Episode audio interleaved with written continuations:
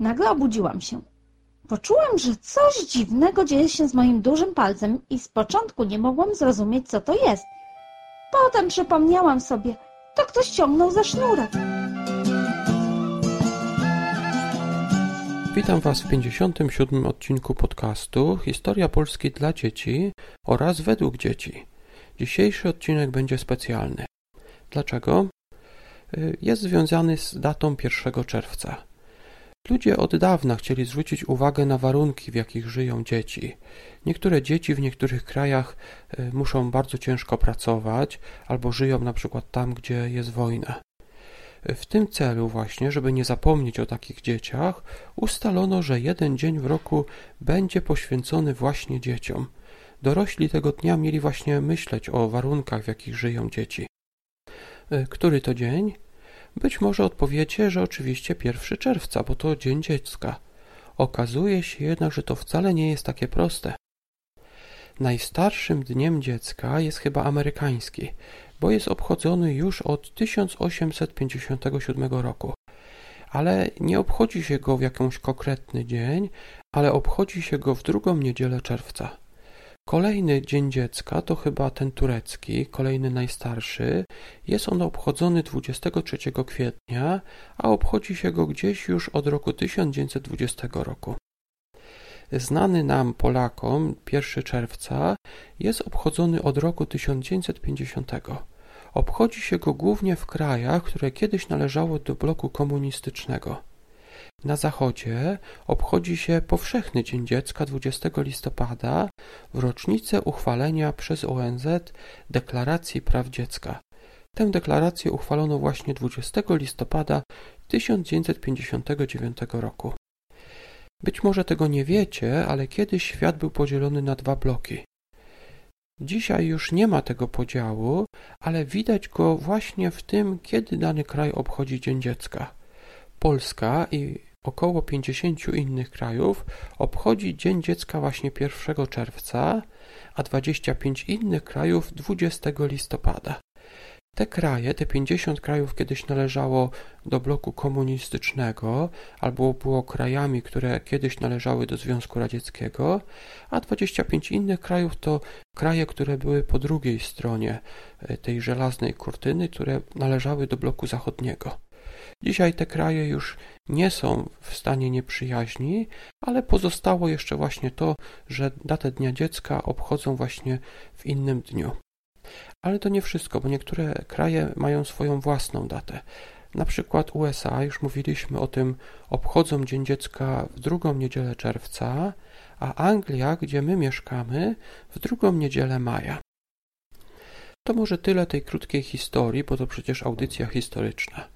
Dzisiejszy odcinek będzie specjalny, bo na 1 czerwca wraz z innymi podcasterami postanowiliśmy nagrać wiersze oraz opowiadania dla dzieci. Jednak nagranie każdego podcastera ukaże się w innym podcaście. U nas w tym odcinku będziecie mogli za chwilę wysłuchać nagrania Lokomotywy z Northampton.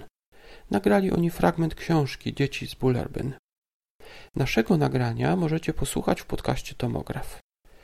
Ja teraz zapraszam Was do wysłuchania fragmentu książki Astrid Lindgren Dzieci z Bullerbyn.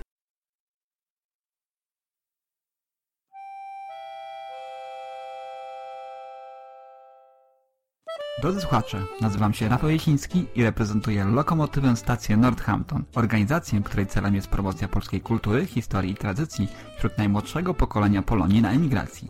W tym roku po raz drugi mamy zaszczyt i przyjemność współorganizować i obejmować patronatem akcję podcastowy Dzień Dziecka, której twórcy najpopularniejszych audycji internetowych nagrywają bajeczki, wierszyki i inne utwory dla najmłodszych.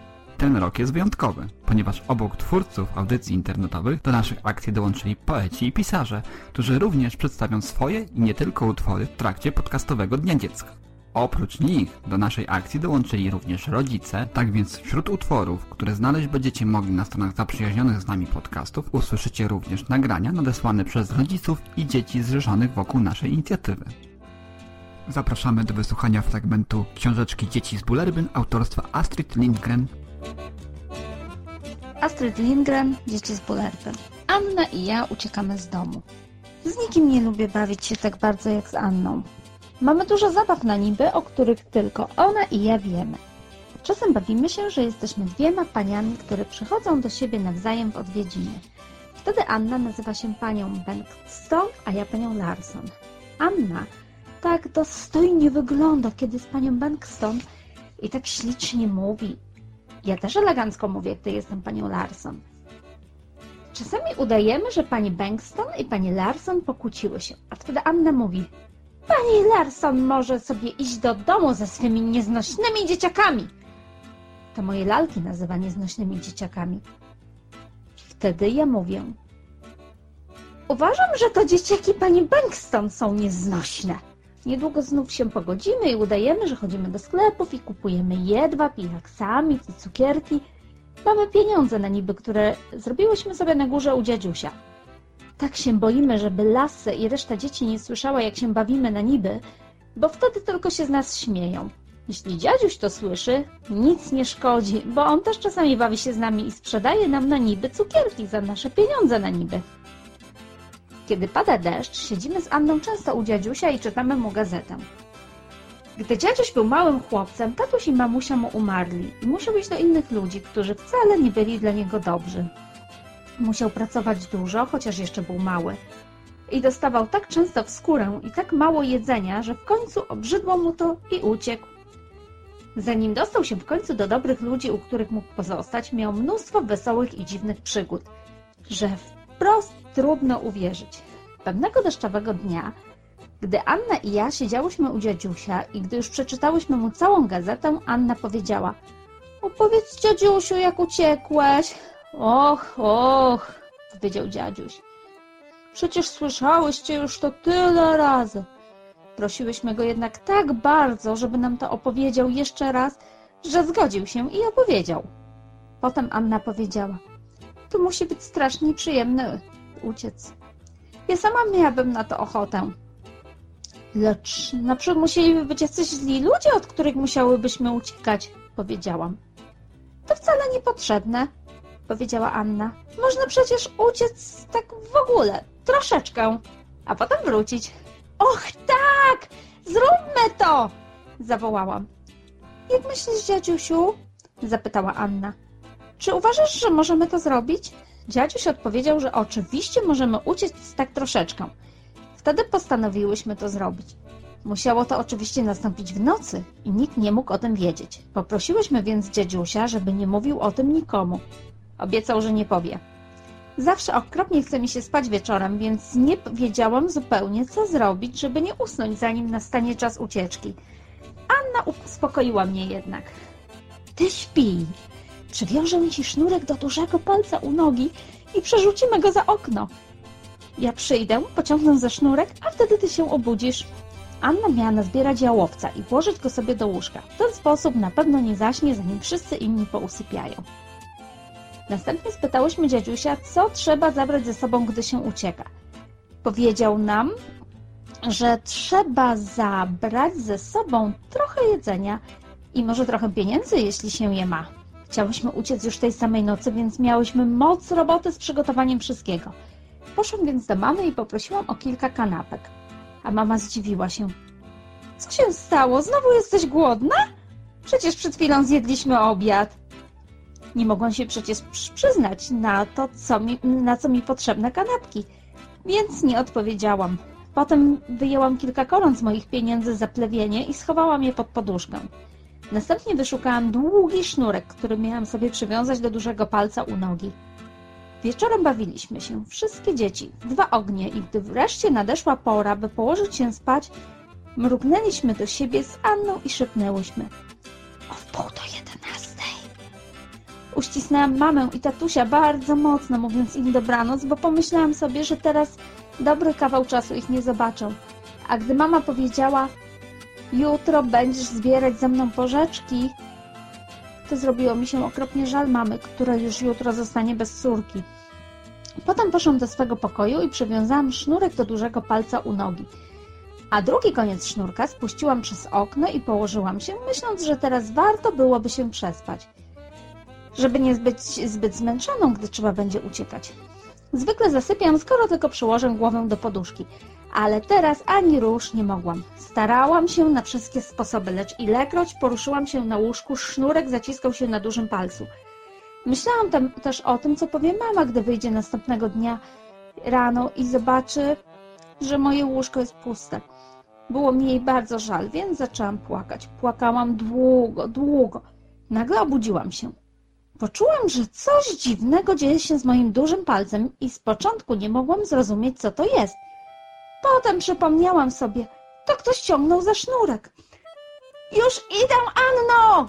Zawołałam, wyskakując z łóżka i podbiegając do okna. Był jasny dzień. Na dole pod moim oknem stał Lasse i ciągnął za sznurek. Ach, jakaż ja byłam zła! Oj, oj, oj, nie ciągnij za sznurek! Krzyknęłam, lecz Lasse dalej ciągnął. Zostaw to! Zawołałam. Dlaczego? Dopytywał się Lasse.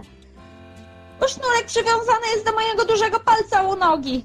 Lasse roześmiał się i zawołał. A to ci dopiero ryba na tej wędce. Potem chciał koniecznie dowiedzieć się, na co mi był potrzebny ten sznurek. Ale odeszłam od okna i nie odpowiedziałam mu. Pobiegłam do zagrody północnej. Myślałam, że może Anna uciekła sama. Britta siedziała sobie na schodach i bawiła się z puszkiem. Gdzie jest Anna? zapytałam. Śpi, odpowiedziała Britta. Poszłam na górę do pokoju dziewczynek. Anna spała w najlepsze. Chrapała! Chciałam przywiązać jej sznurek do palca u nogi, ale wówczas się obudziła. O, o! Zdziwiła się. Która godzina? Gdy jej powiedziałam, że już jest ósma rano, siedziała przez chwilę bez słowa. Następnie dodała. Tacy ludzie, którzy nie mogą sypiać w noc, po nocach, powinni spróbować spać na jałowcu. Nie masz pojęcia, jak się w nim mocno śpi. Poszłyśmy potem do dziadziusia, żeby mu przeczytać gazetę. Gdy wbiegłyśmy do pokoju, zdziwił się bardzo i spytał. Jak to, nie uciekłyście? Innym razem, odpowiedziałyśmy. Tegorocznym podcastowym Dniem Dziecka propagujemy i wspieramy zbiórkę na operację dla Julka Świdurskiego, chłopca, u którego działa tylko pół serduszka. Ta niezwykle kosztowna operacja, która uratuje życie chłopca, musi zostać dokonana przez specjalistów w Stanach Zjednoczonych. Wiąże się to z ogromnym kosztem, w który wlicza się nie tylko sama operacja, ale również podróż i pobyt na okres rekonwalescencji w Stanach Zjednoczonych. Dlatego prosimy bardzo, przyłączcie się do naszej akcji, o której więcej informacji znajdziecie w linkach dołączonych do nagrania oraz na stronie facebookowej Julek Nasze Waleczne Serce. Wspólnie możemy sprawić, że serce Julka zabije z pełną mocą.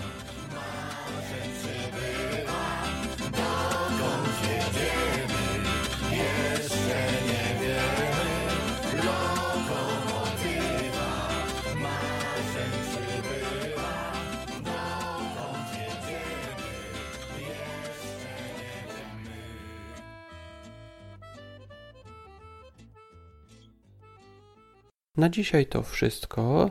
Jeżeli Wam się podobało to nagranie chcielibyście posłuchać większej ilości podcastów z wierszami i innymi nagraniami dla dzieci, to odsyłam Was do linków w opisie tego odcinka.